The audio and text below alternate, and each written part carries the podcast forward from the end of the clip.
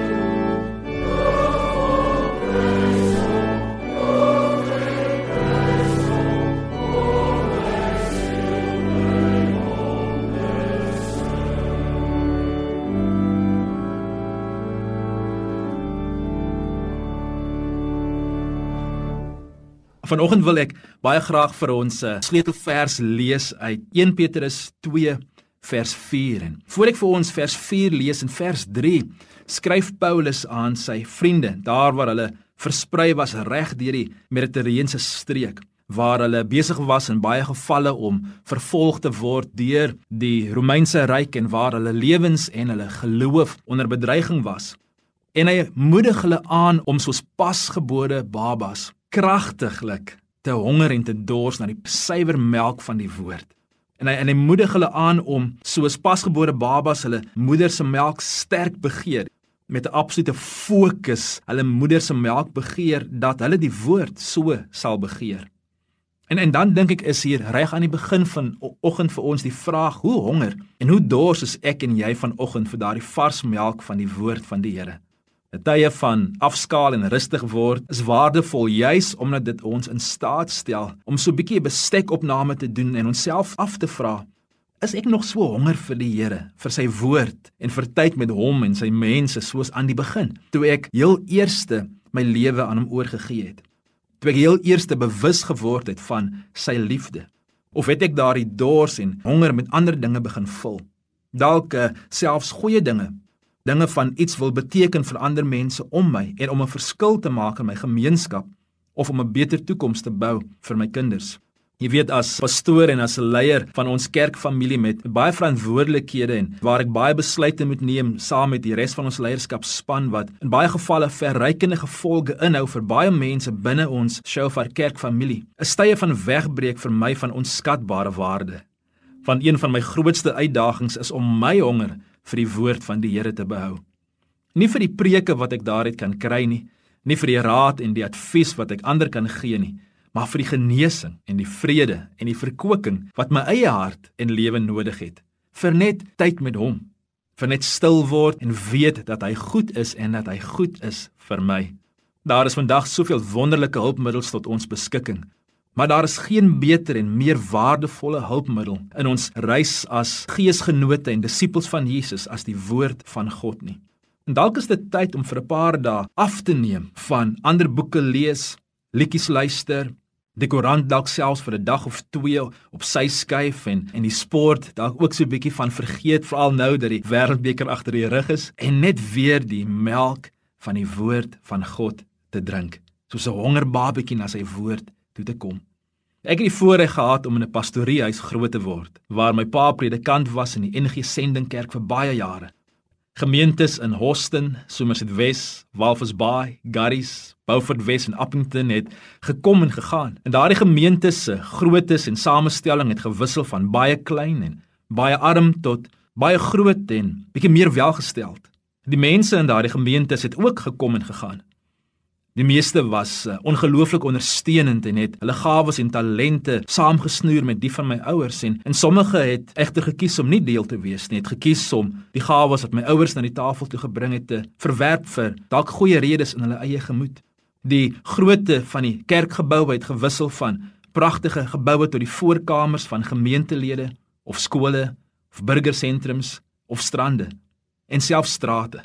Tussendeur al daardie veranderinge heen het 'n paar dinge onveranderd gebly. My ouers se liefde vir mekaar en vir hul kinders. En dan veral my pa se liefde vir die woord van God.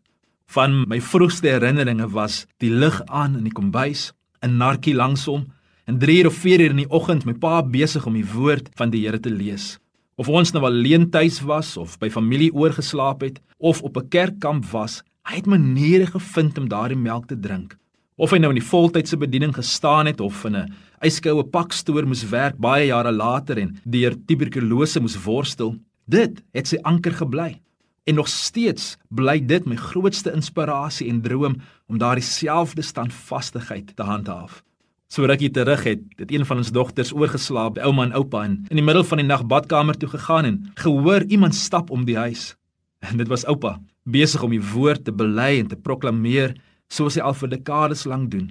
Hier in sy 70er jare, met jare se ervaring in die bedieningsveld in verskeie gemeentes en denominasies en met 'n doktorsgraad in pastorale berading, nog steeds so honger en dors vir die woord soos 'n pas gebore babatjie. Hoe sterk is jou verlange vanoggend na die woord? Nou ek weet nie of jy al iemand intens baie verlang het nie. Ek het die voorreg gehad so rukkie terug om vir 3 weke deur ons gemeentes in Europa te reis en te gaan besoek. En die eerste 2 weke was fantasties en was 'n absolute eer en 'n voorreg. Die laaste week moet ek erken was nogal bietjie van pyn en foltering. En ek het vir die eerste keer verstaan wat dit beteken om siek van verlange te wees, om homesick te wees. Ek het my gesin verlang, my vrou en my kinders. En die pragtige omgewing waarbinne ek myself bevind het in daardie tyd het heelwat van sy bekoring verloor as gevolg van daardie verlange. Ek glo dat daar baie van ons is wat deur pragtige dinge en dalk tog ook verbode dinge, dinge wat ongesond is vir ons fisiese, emosionele en geestelike welstand, bekoor word.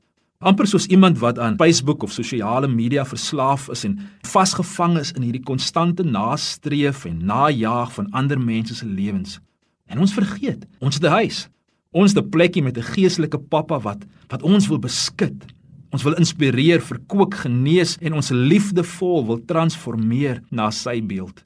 En ek dink ons weet dit dalk. Die meeste van ons weet dit. En ons probeer losbreek uit dit uit, maar dalk moet ons ons fokus verander en in steede daarvan om te vra en te smeek en te stry teen die impulse van ons vlees en ons sondige natuur, van ons teleurstellings en ons verwyte of ons verslawings dat ons eerder die Heilige Gees sal vra om weer in ons harte 'n verlange los te maak vir die woord want ek glo dat hoe groter en hoe sterker daardie verlange is hoe minder is jy hou vas van die bekoorlikheid van die dinge van die vlees en die wêreld om ons so my eerste vragie is hoe honger en hoe dors is jy nog na die woord van die Here as ons by vers 4 kom dan dan sê dan sê Petrus hierdie kom na hom toe die lewende steen wat deur die mense wel verwerp is, maar by God uitverkore en kosbaar is. Kom na Jesus toe. Kom, dis so 'n klein woordjie, nê? En die kom waar waar in ons stort om water te bespaar of jare terug waarin ons gebad het nie. Dis slegs 3 lettertjies, maar daar is so baie wat op daardie 3 letters ry. En vanoggend moes jy besluit om te kom na hierdie diens toe. Van ons wat luister oor die radio, ons moes besluit of ons daardie uitnodiging sou aanvaar. Want jy's nou by 'n vakansiebestemming, miskien waar jy nou na hierdie boodskap luister. En jy het gekom omdat jy 'n uitnodiging gekry het. Kom kuier tog nog weer 'n bietjie by ons ouma en oupa. Of daardie vriende by wie jy baie lanklaas gekuier het. Of dalk was dit die berge wat jou geroep het, geroep het om net weer bietjie weg te kom op jou eie te kom, jou eie gedagtes weer te kan hoor. Of daar waar jy vanoggend by die karavaan sit en, en luister na hierdie boodskap, is dit dalk die gedruis van die branders of dalk die roep van jou ma se kos wat jou teruggeroep het. Maar kom, is in so baie gevalle 'n uitnodiging, is dit nie? En hier het ons weer daardie uitnodiging. Kom. En ons kan kom, want hy het eerste gekom en hy het die verste gekom.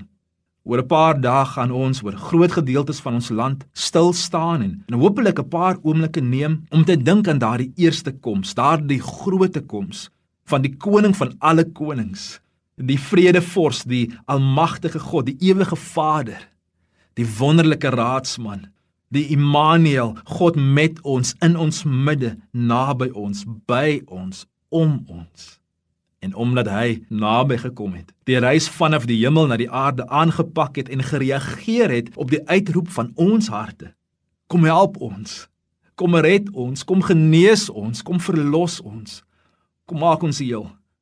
Daarom kan ons kom vandag. En let op wat Petrus sê. Hy sê dat ons kom tot hom. Tot wie? Nie tot my vanoggend as Heinrich nie, nie na enige pastoor, enige predikant, enige priester of biskop of watter geestelike titel daardie leier ook al mag hê nie. Die krag van die Nuwe Testament lê juis in die demokratisering van die toegang wat ons het tot God. So so baie van ons, die Springbokke se oorwinning en meer nog deur die toer deur ons land se stede meegesleer was deur hierdie opgewondenheid. Was ek ook meegesleer deur dit. Maar wat vir my so uitgestaan het was die toer. Daardie bus wat die Springbokke en die Wêreldbeker nader gebring het. Skielik was dit nie meer net iets op die TV, iets ver nie, maar dit het nader gekom, reg tot in die midde van ons mense. Hoop het op 'n bus deur ons land se strate gery. En 2000 jaar gelede het hoop met 'n hoofletter H ook nader gekom in ons midde gekom en in die stowwerige strate van 'n dorpie met minder as 1000 mense groot geword. Maar anders as met die koms van die Wêreldbeker, is daardie hoop nie staande toegejuig die meeste van die tyd nie, maar is hy in verwerping gebore. Vergete, verstote, vervolg, met agterdog beheen, beskinder, verraai en oorgegee deur een van sy beste vriende. En omdat hy mens geword het, een van ons geword het, vandag dalk sou ry loop om by sy vakansiebestemming te kom. 10 teen 1 dalk een van die manne sou wees wat nie kon bekostig om op vakansie te gaan nie want hy moes langs die straat pik slaan. Daar die rooi vlaggie sou waai om ons laat weet ons is nou naby aan padwerke. Want hy sou sy brood en botter in die sweet van sy aangesig verdien. Omdat hy vir jare moes werk om sy gesin te onderhou na sy pa se afsterwe, die besigheid aan die gang moes hou. Omdat hy met die agteraf gepraatery die vals glimlagte en die lewe beloftes moes saamleef omdat hy as 'n jong baba met sy ouers sy geboorteland moes verlaat en in 'n vreemde land moes gaan skuilings vind. Omdat hy uitgekruid was as 'n duiwelbesetene 'n sondaar en 'n dronklap daarom is hy ons bemiddelaar is hy ons tussenganger en ons advokaat wat vir ons saak veg in die troonsale van die hemel. En verstaan hy wat dit beteken om suid-afrikaner te wees in ons dag en tyd Hoe dit voel om vir jou lewe te vrees, hoe dit voel om verraai te word, hoe dit voel om verwerp te word omdat jy te wit is of te swart is of nie wit genoeg of nie swart genoeg en iewers tussenin is. Verstaan hy dit? Ons kom na hom toe, Jesus Christus, verwerp deur die mense om hom en tog deur God gekoester, geliefd en geroep. Ons kom nie na gemeente toe nie. Ons kom nie na 'n geloofsbelijdenis of na 'n wonderlike musiekgroep of 'n dinamiese spreker of 'n mooi en moderne gebou met mooi ligte en goeie koffie en vriendelike mense nie. Nee, ons kom na die hoeksteen Jesus. Jesus wat beloof het dat hy sy kerk bou en dat die poorte van die hel en die doderyk nie daarteenstaande sal kan bly nie. En daarom kan ons nou kom Daar waar jy by jou rekenaarskerm sit of luister na die boodskap oor die RSG, daar waar jy in die motor ry op pad na jou geliefdes, of dalk alleen op pad werk toe of vanoggend dalk daar waar jy op moed verloor se vlakte en uit desperaatheid die radio aangeskakel het, jy kan nou kom na Jesus, nie na 'n mens nie, maar na Jesus om die anker te wees in jou lewe. Die hoeksteen die begin en die einde van jou lewe.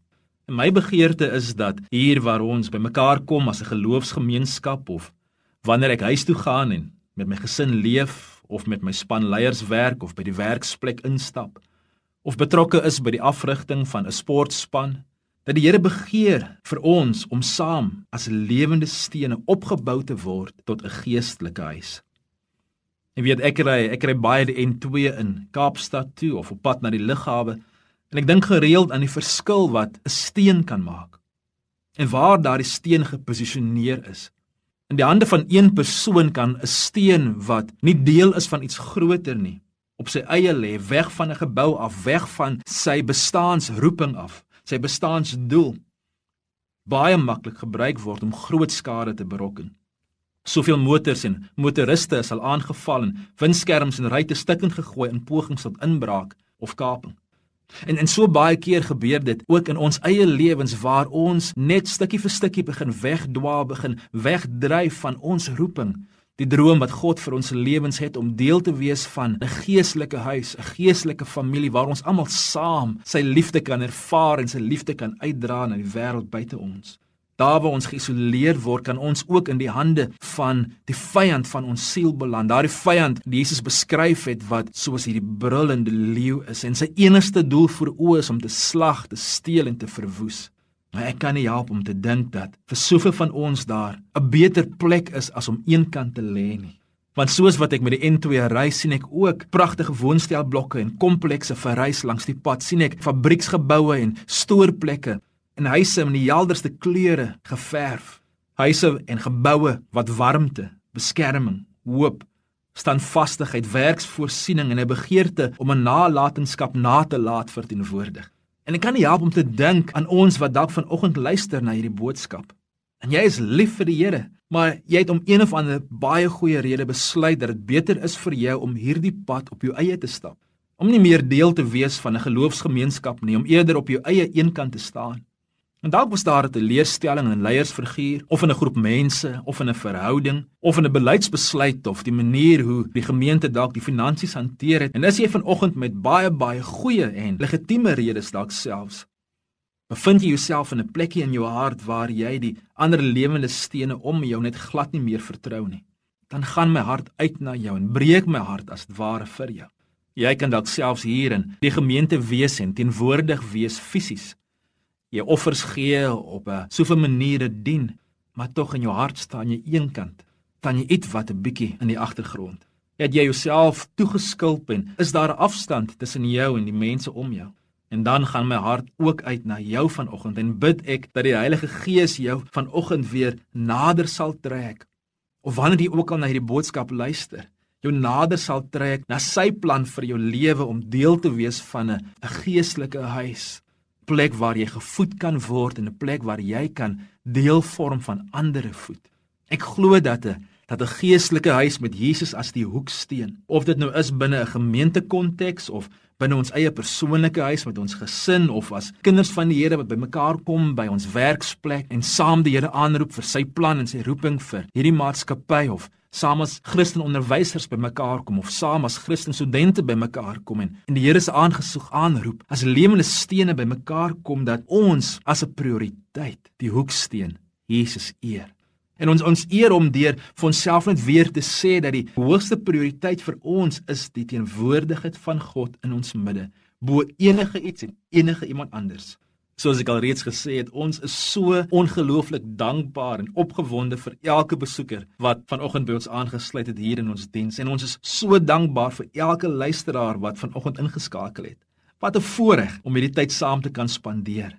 Maar bo enige ander mens se teenwoordigheid en enige ander mens se opinie is dit die teenwoordigheid van God en sy opinie wat belangrik is. En wat belangrik is vir hom, behoort belangrik te wees vir ons. En dit behoort ons hoogste prioriteit te wees. Hy is beide ons gas, sowel as ons gasheer. Hy verwelkom ons in sy midde, soos Dawid reg so mooi vir ons beskryf in Psalm 23 dat die Here vir ons 'n tafel voorberei in die aangesig van ons vyande. En hy ons uitnooi na daardie tafel toe, uitnooi om aan te sit en deel te neem aan die maaltyd van sy goedheid en te drink van sy goedertierenheid. Daar waar ons onsself ook al bevind, weet dat God ons nooi om te kom, om aan te sit, om te ontspan en toe te laat dat hy ons bedien soos hy sy disippels bedien het met daardie visbraai aan die einde van hulle vrugtelose nag op die see. Wil hy ook vir baie van ons vanoggend die spreekwoordelike Petrus wat weet dat sjoe, my lewe vandag is eintlik veronderstel om soveel meer te wees as wat dit geword het.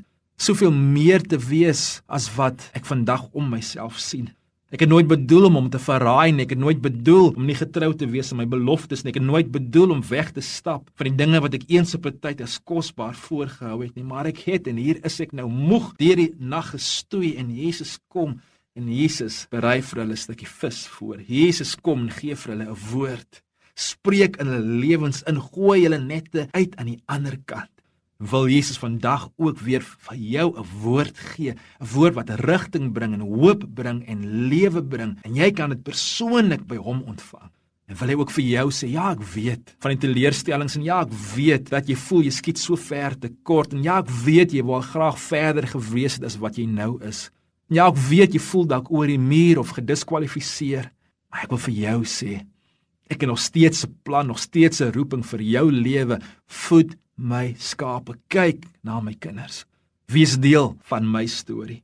Maar jy weet wat? Hy's ook ons gas. Hy's die een wat staan by die deur en klop soos Johannes vir ons so mooi beskryf in Openbaring 3 vers 20 en hy wag dat ons oopmaak. Hy's die een wat nie die deur afskop nie, maar wag. En dan, sodra ons oopgemaak het, wil hy inkom en met ons fees vier en met ons kuier. Iemand het reg gesê dat die deur van ons harte het net een handvatsel en daardie handvatsel sit aan die binnekant. So vanoggend hier aan die einde van die jaar is dit dalk net nodig vir ons om hom in te nooi in wat 2019 was. Wie die kamers van ons harte wat so maklik so vol kan word met opgegaarde woorde, herinneringe, verwyte, berou, gebroke beloftes, stikkende drome en die rommel van ander mense se optrede teenoor ons. Dan is ons uitdaging dalk dat ons baie keer daardie deur wil toehou styf wil toe hier aan die binnekant want hoekom sou Jesus nou juis by ons wou kom kuier? Miskien op 'n Sondag ja, waar ons op ons beste lyk, ten minste vir die mense daar buite. Maar wat van na die tyd, terug by die huis, terug alleen in my kamer, alleen met die glasie wyn as my enigste geselskap in die middel van die nag of terug in die harwar van lang ure en min slaap. Hoe nooi ek hom in dit in? Hoe kan ons bewus bly van hom as ons eregas daar, die een voor wie die hele aarde sidder? En hier is dit waar oomblikke soos hierdie, waar ons saam kan kom as lewende stene waar ons mekaar kan bemoedig, maar ook waar ons weer bewus word van Jesus se belofte in Matteus 18 vers 20 dat daar waar twee of meer vergader in sy naam, daar is hy teenwoordig, daar is hy met ons. So nie net met ons soos wat hy is reg deur die hele wêreld maar hy sê spesifiek Daar waar julle bymekaar kom in my naam, daar waar julle my teenwoordigheid eer, daar waar julle besef daar's 'n doel en 'n roeping en 'n rede hoekom julle bymekaar kom, daar is ek met julle. Die psalmdigter in Psalm 100 moedig ons aan om sy poorte binne te gaan met danksegging, om sy binnekamer van die troonsaal van die hemel met lofgesang binne te gaan. Danksegging en lof, lofprysing en aanbidding. O oh, en, en en hier is ek so bewus van ons tradisies en ons geloofsgeskiedenis en ons geloofsbelijdenis en belewenis en en hoe ons kulturele agtergronde sowel as ons individuele persoonlikhede so 'n groot rol speel in hoe ons hierdie onderwerp benader. Maar ek dink dit gaan oor meer as net 'n onderwerp. Ek dink dit gaan oor 'n lewenswyse. En wanneer ons by mekaar kom, En ons begin om loof en ons begin om prys. Met ander woorde, ons vier sy oorwinning. Ons vier sy liefde, sy hoop, sy karakter. Ons vier die oorwinning op die kruis en ons vier die oorwinnings wat ons proe in ons eie lewens deur hom. Maar ons vier ook die oorwinning wat gaan kom. Daardie dag wanneer hy elke traan gaan weg vee en 'n nuwe hemel en 'n nuwe aarde gaan skep vir die wat gewas is deur die bloed van die lam. Mag ons lofsange en ons uitroepe en ons verlusting oor aardse vreugdes nooit harder en langer weer klink en weer galm as ons uitbundige offerhandes van lof aan die kaptein van die leerskare van die hemele. So in 'n geestelike huis, 'n huis waar Jesus die hoeksteen is, is daar offers van lofsange, nie net op 'n Sondag in 'n fisiese gebou nie, maar elke dag in die kamers van ons harte en in die wandelgange van ons alledaagse lewe. En daar waar ons lofsange sing tot hom, daar waar ons in geloof tot hom nader met die volle versekering van Hebreërs 4 vers 16, dat ons met vrymoedigheid die troonsaal van genade kan nader in tye van nood en daar kan weet ons ontvang hulp en genade en vergifnis en instaatstellende krag. Daar waar ons dit doen, Daar word die ouete huis en die skool en die taxi en die straat en die winkelsentrum en die raadsaal en die sekuriteitshokkie en die trein of die bus, die sportveld of die polisiekantoor of die brandweerstasie of die hospitaal of waar ons onsself ook al bevind, daar waar ons ons aandag fokus op wie hy is. Daar omskep ons daardie omgewing tot 'n tuiste vir sy teenwoordigheid. En daar waar sy teenwoordigheid is, daar is sy koninkryk en waar sy koninkryk is, daar kom sy wil deur jou en deur my lewende stene reg om gebruik te word deur hom. Psalm 22 is vir my so 'n ongelooflike bemoedigende psalm want die psalmdigter kom met soveel eerlikheid en selfs frustrasie na God toe.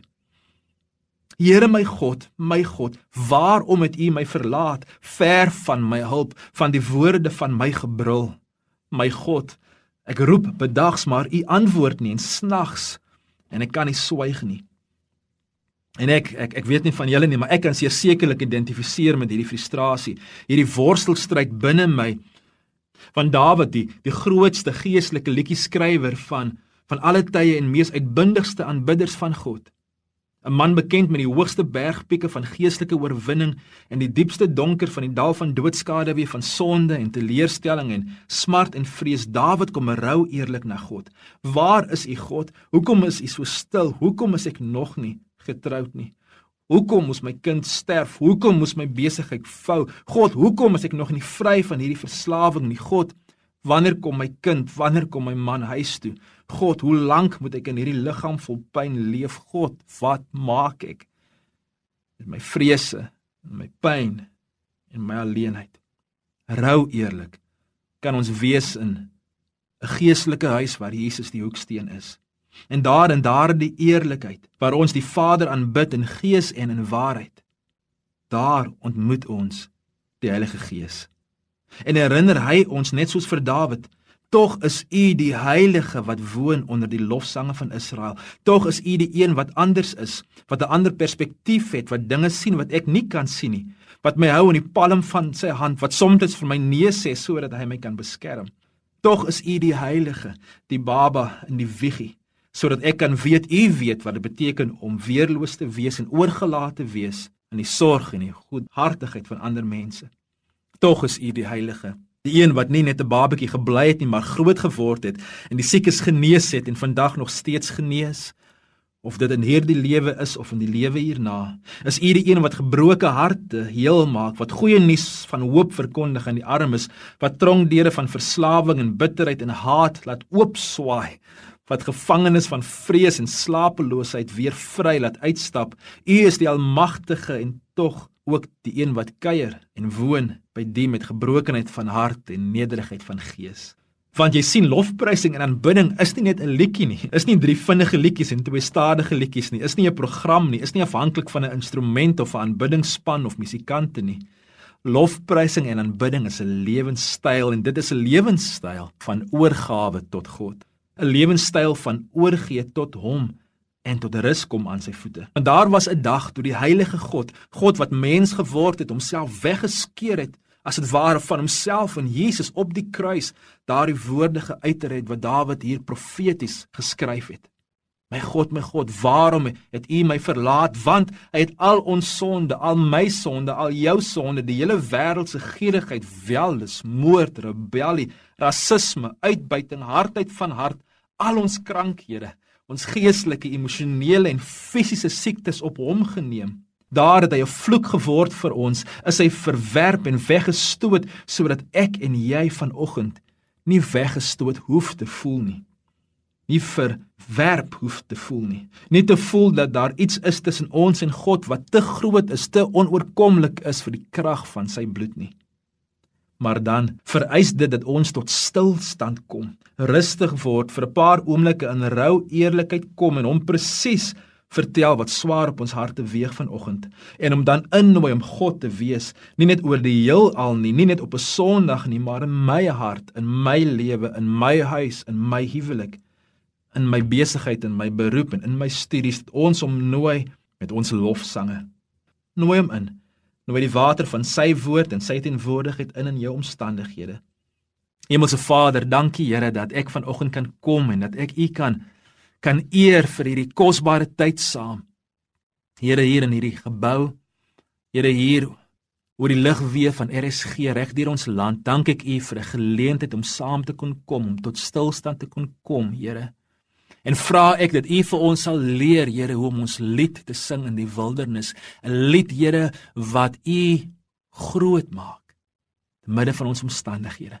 En bid ek nou Here vir harte wat oorgegee het aan U. En ek wil vra dat U saam met my sal bid.